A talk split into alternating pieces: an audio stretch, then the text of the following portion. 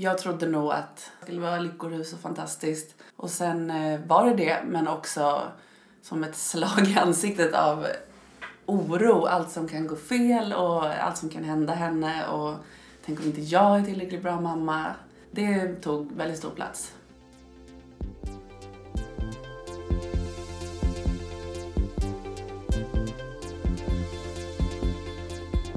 Du lyssnar på HSP-podden med Leveby och Klar. Välkomna tillbaka till HSP-podden med Leveby och Klar. Den här podden handlar om personlighetsdraget högkänslighet, vad det är och hur det är.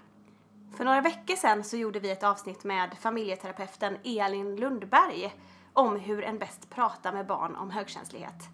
Efter det fick vi en massa tips och mejl från föräldrar som vill att vi gör ett helt avsnitt om hur det är att vara just HSP och förälder.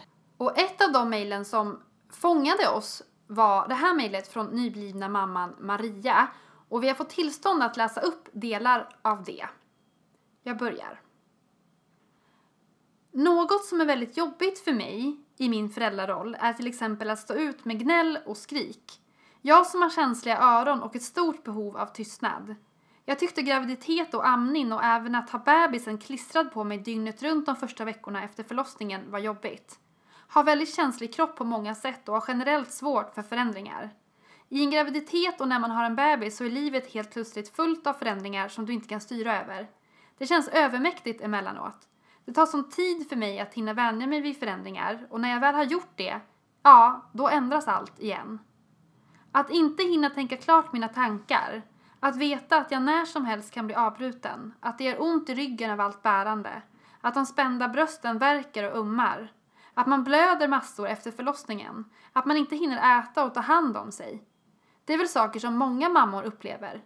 Men jag tror att det är mycket jobbigare för mig som högkänslig. Jag blir liksom överväldigad av allt som känns och är helt slut. Mentalt. Ja, hur sjutton gör man? Det är det som det här avsnittet ska handla om. Vi bjöd hit Therese, 39. Hon har två pojkar på 3 och 6 år och Hanna, 29, som har en dotter på ett och ett halvt. För ett snack om HSP och föräldraskap. Och hur svårt, men också hur bra det kan vara.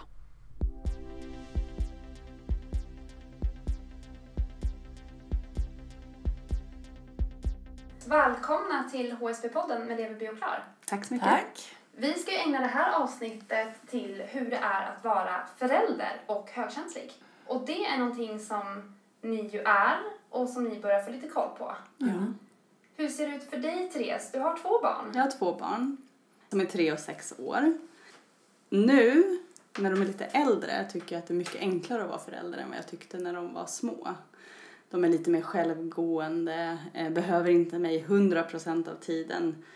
Eh, man behöver inte vara rädd att de ska ramla ner för trappor och göra sig illa och sådana saker. Eh, och jag känner nu att jag får mycket mer möjlighet för återhämtning än vad jag fick när de var spädbarn. Mm. Och jag vet att du Hanna har ju ett mindre barn. Mm. Eh, min dotter är ett och ett halvt. Och jag har väl tänkt att inför att vi skulle komma hit att jag skulle säga det att jag tror att det är en stor fördel att vara HSP-förälder när man har kommit över den första perioden som för mig var så överväldigande och det har tagit lång tid att landa och det är riktigt, jag har läst den här boken som säkert många andra har, Drunkna inte i dina känslor och det kände jag att jag gjorde när jag fick min dotter. För det var liksom, det var alltid, man var rädd, man hade oro och ångest och så var man lycklig och glad och allting. Och det, ja hon är ett och ett halvt så så smått börjar jag landa och jag tror nog att då blir det bra. Hade du förväntat dig den reaktionen? Hur hade du tänkt när du var gravid? Nej, det hade jag inte. Jag hade inte förväntat mig det känslokaoset. Eh, jag har velat bli mamma i hela mitt liv och det har varit liksom, det är min största dröm. Jag trodde nog att det skulle vara mer, ja, som den här bilden som eh, blir uppmålad för en, att det bara skulle vara lyckorus och fantastiskt. Och sen eh, var det det, men också som ett slag i ansiktet av oro. Allt som kan gå fel och allt som kan hända henne. Och tänk om inte jag är tillräckligt bra mamma. Eh, det tog väldigt stor plats. Hur tror du att det spelade in att du också är högkänslig och förälder? Jag tror att jag kanske har haft svårare att ehm, släppa oron, att den sitter kvar liksom.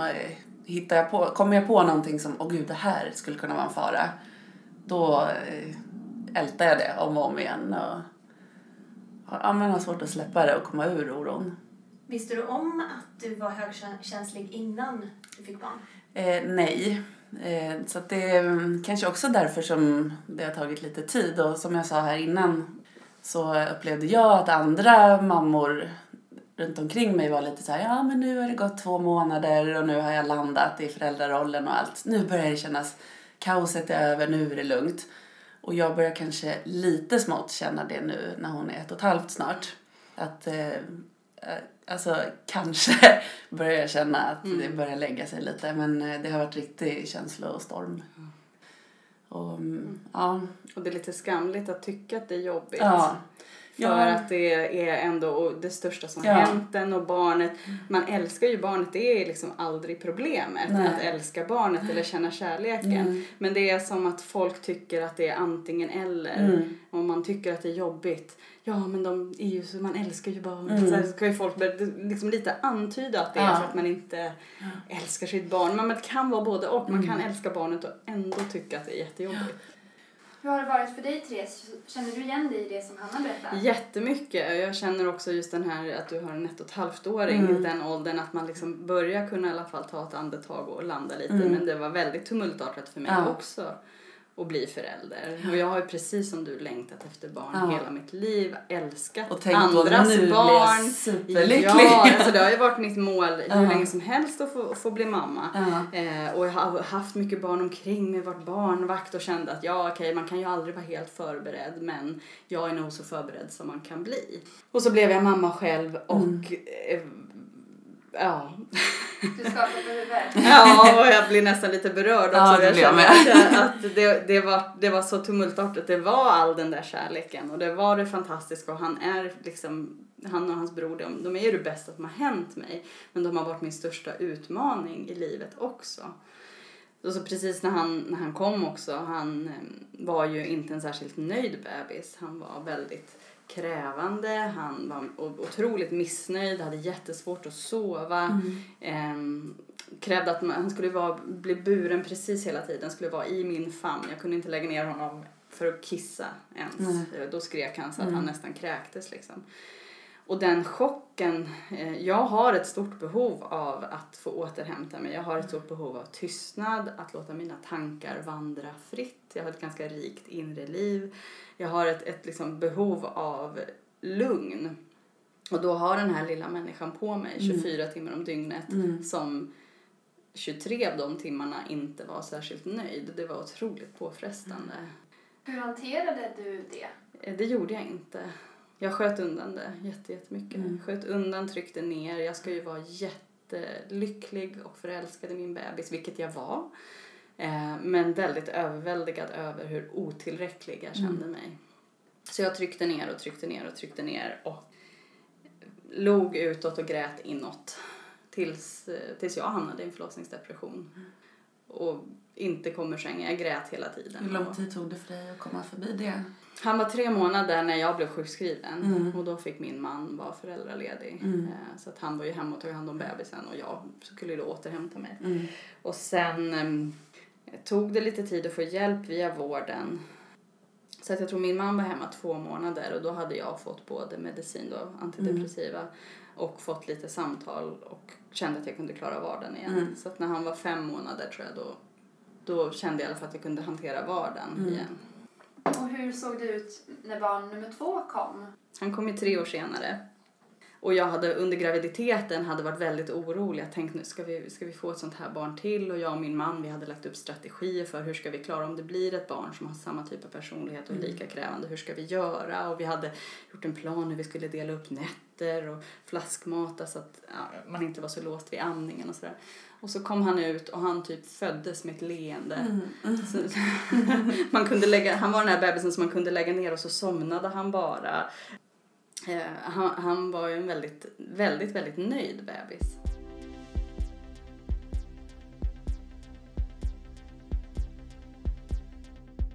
säga att ingen av er kände till begreppet högkänslighet innan Nej. ni fick barn. Nej. Förändrade det ert föräldraskap eller syn? Ja. Min dotter har varit som ditt andra barn. Mm. Jag har ju bara ett barn och hon eh, föddes med ett leende på läpparna och har varit väldigt nöjd.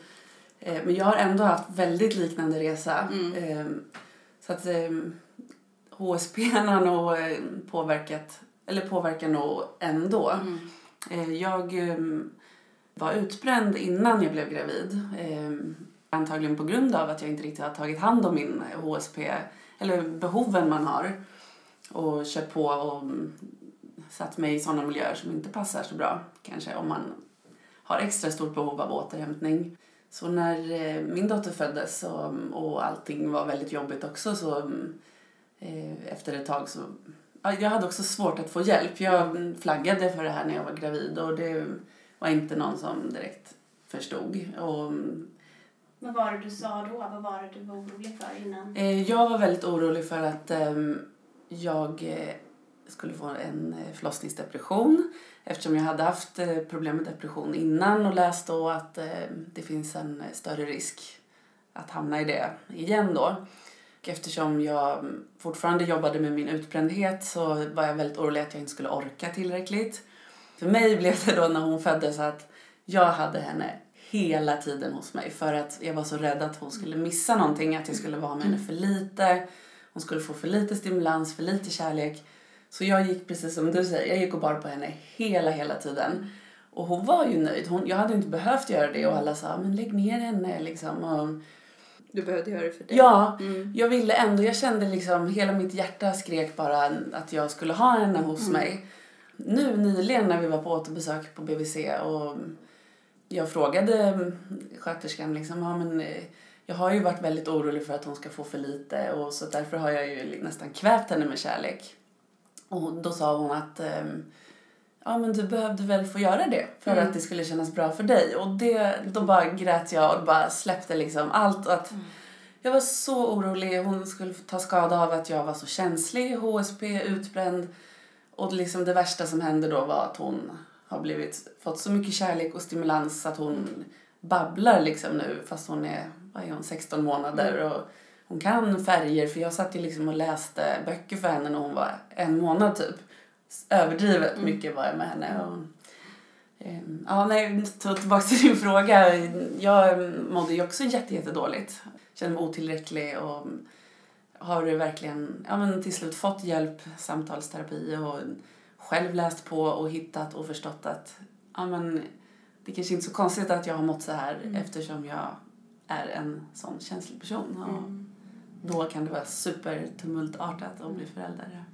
Jag kände att, att för mig var det mer när, när man läste på om HSB och att jag insåg att, att jag verkligen är en HSB. Mm. Då kändes det mer berättigat för mig att ta hand om mina behov. Ja. Det kändes här, jag har ett behov av återhämtning. Ja. Jag har ett behov av att få gå undan. Att du slapp ha skuldkänslor då? Ja, eller? och att, att, jag, att jag inte ber om ursäkt för det längre Mm. och att jag inte heller lägger skuld på mig själv för det. Att jag känner att ja, eh, nu fungerar jag på det sättet Mm. och till exempel om man är i en eh, folksamling eller om vi har släktträffar och så, då behöver jag låsa in mig på toaletten en liten stund Mm. för att återhämta mig. Eller lägga mig och läsa på sängen i ett annat rum. Och sen kan jag gå ut igen. Men ska jag, be- behöver jag vara där hela tiden, då tar jag slut på mig själv och det är inte värt det för någon. Så att för mig kändes det som att i mitt föräldraskap jag tror kanske inte att det har ändrat sig så mycket mot mina barn men jag känner att jag har ändrat mig inställningen till mig själv att eh, det är okej att inte vilja vara med dem hela tiden. Det är okej att behöva en paus.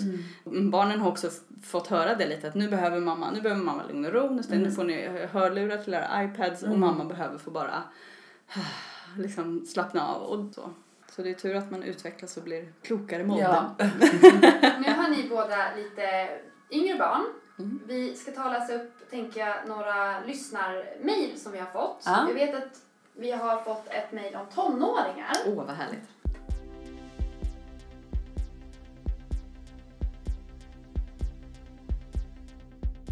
Camilla har mejlat in till oss och hon skriver så här.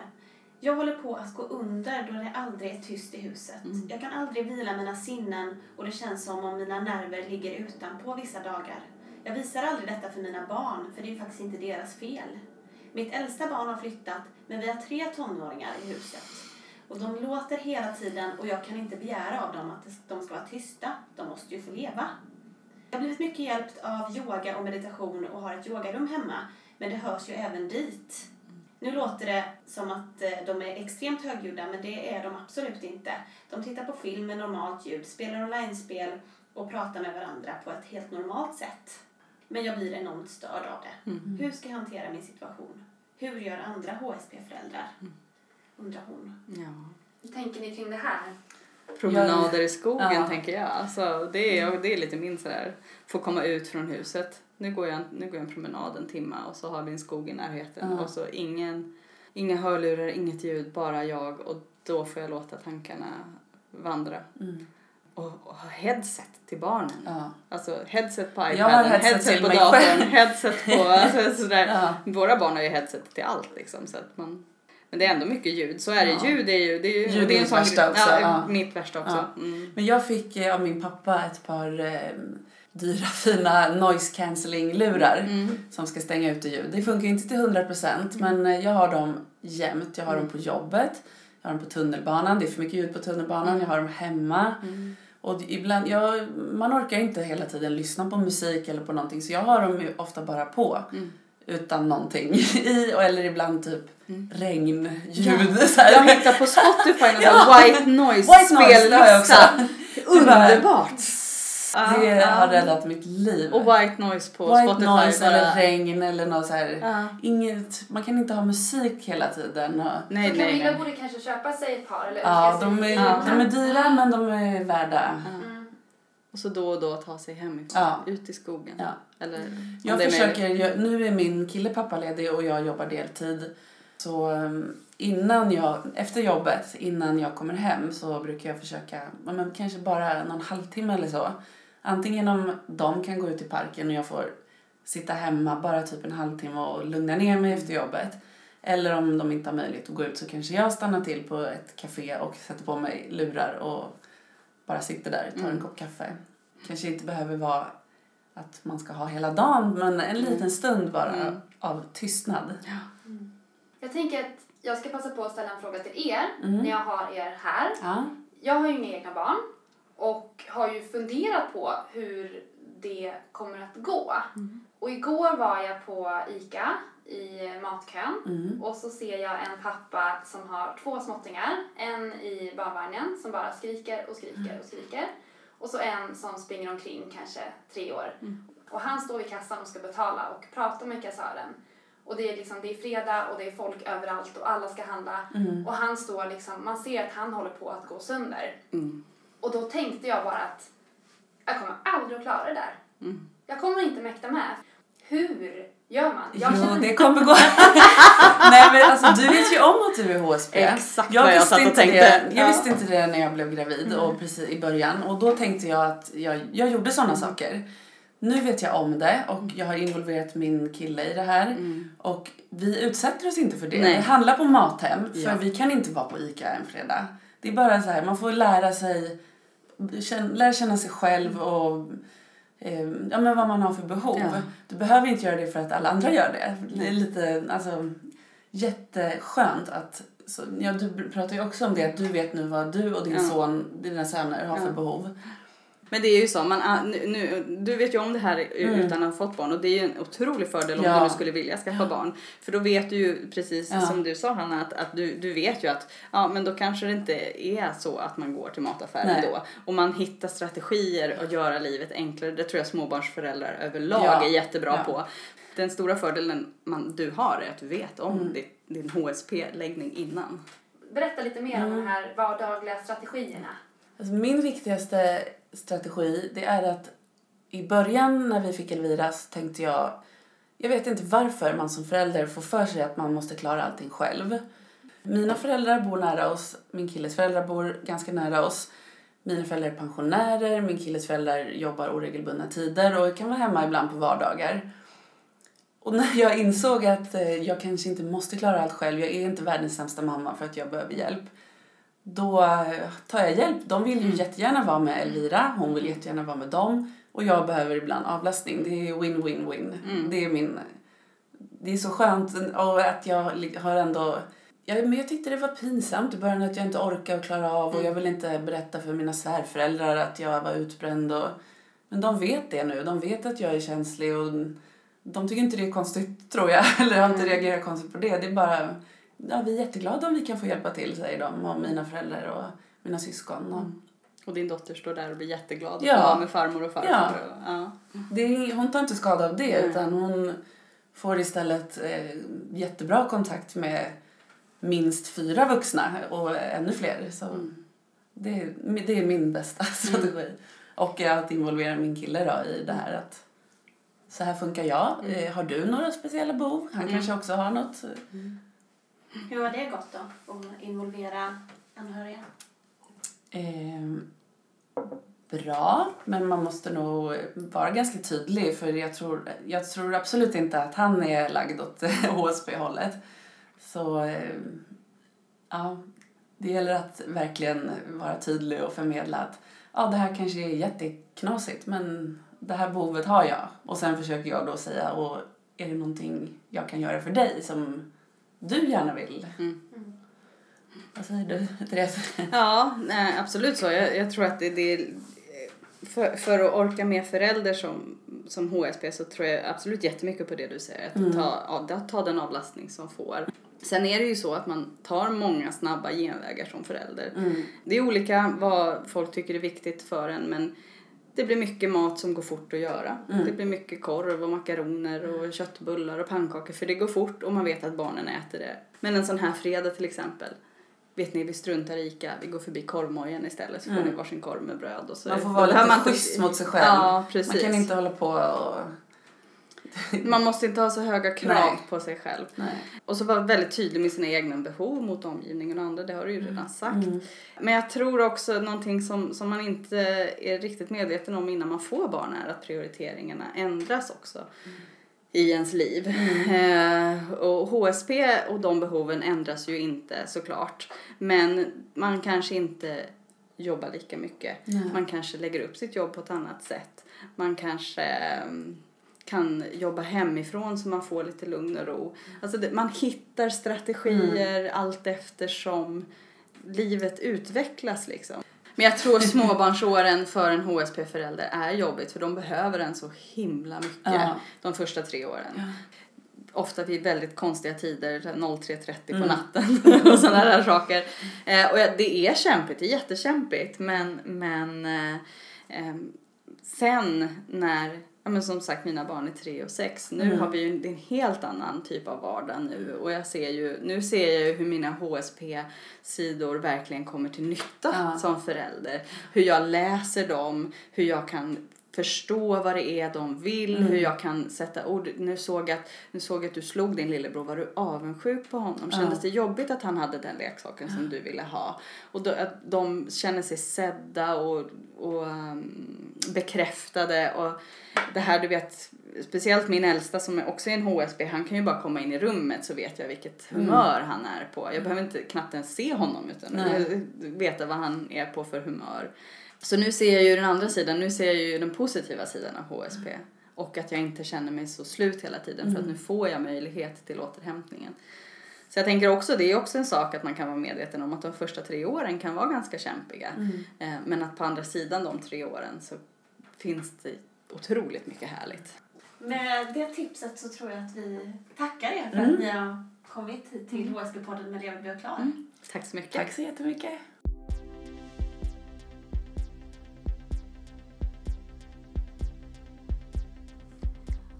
Hoppas att det här har gett er som lyssnar igenkänning och svar på några av era frågor. Kanske är det skönt att bara veta att fler går igenom liknande utmaningar och jobbar med såväl högkänsligheten och föräldraskapet för att få de två att gå ihop. På vår hemsida leverbyochklar.wordpress.com finns fler tips för högkänsliga föräldrar. Vi finns även på Facebook. Där heter vi HSP-podden med Leverby och Klar. Och nu över till nästa punkt i programmet.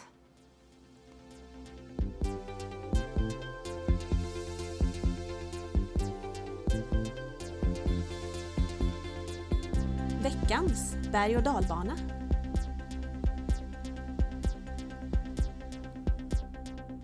veckans eh, berg och dalbana så tänkte jag prata lite grann om det här med eh, alkohol. Okej. Jag har ju, jag är ingen stordrickare, Nej. tvärtom. Jag. Ehm, men jag, ty- jag tycker om att ta ett glas då och då sådär. Tycker jag kan vara lite trevligt. Och nu i veckan så hade jag en vän över på middag och vi hade inte setts på länge.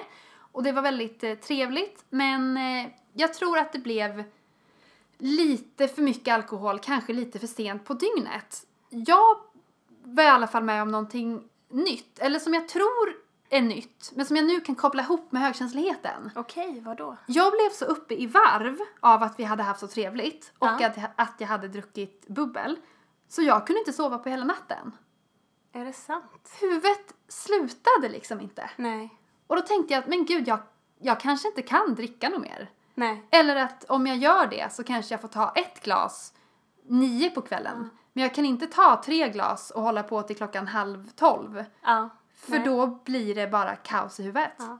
Eller så kan du liksom förbereda så att du kan, du kan köra en hel kväll till klockan fem på morgonen. Ja, ja men det skulle kunna gå. Ja. men det hade nästan varit bättre om jag hade varit uppe. Ja. För att jag låg i sängen och bara, men huvudet är inte tyst. Dessutom hade jag någon låt som bara snurrade Åh nej.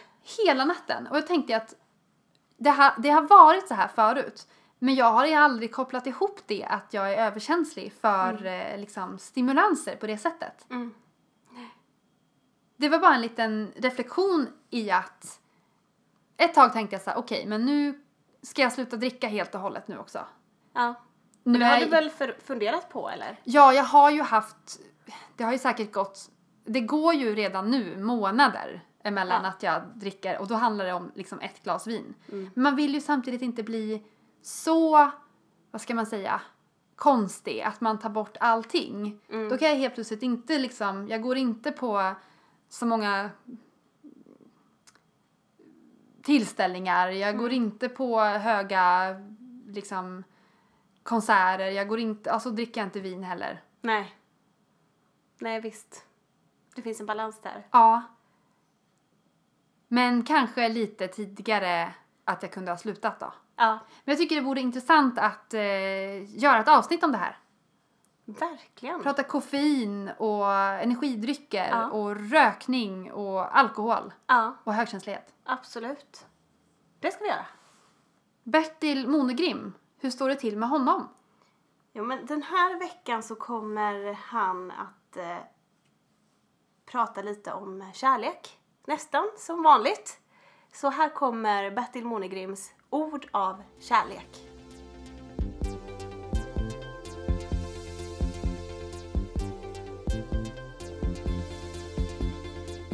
Veckans Bertil.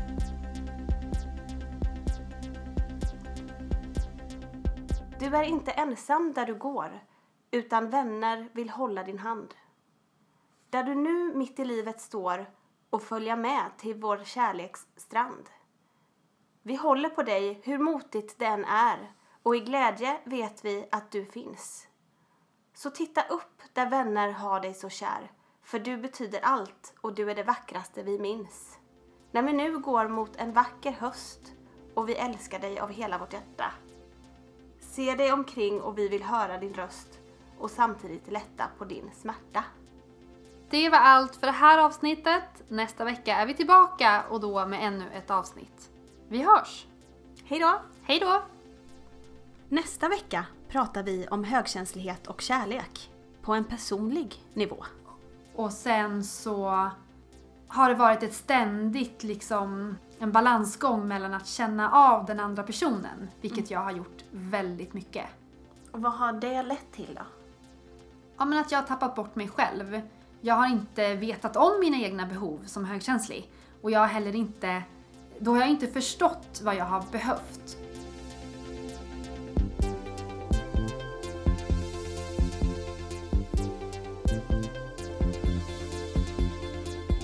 Du har lyssnat på HSP-podden med Leveby och Klar.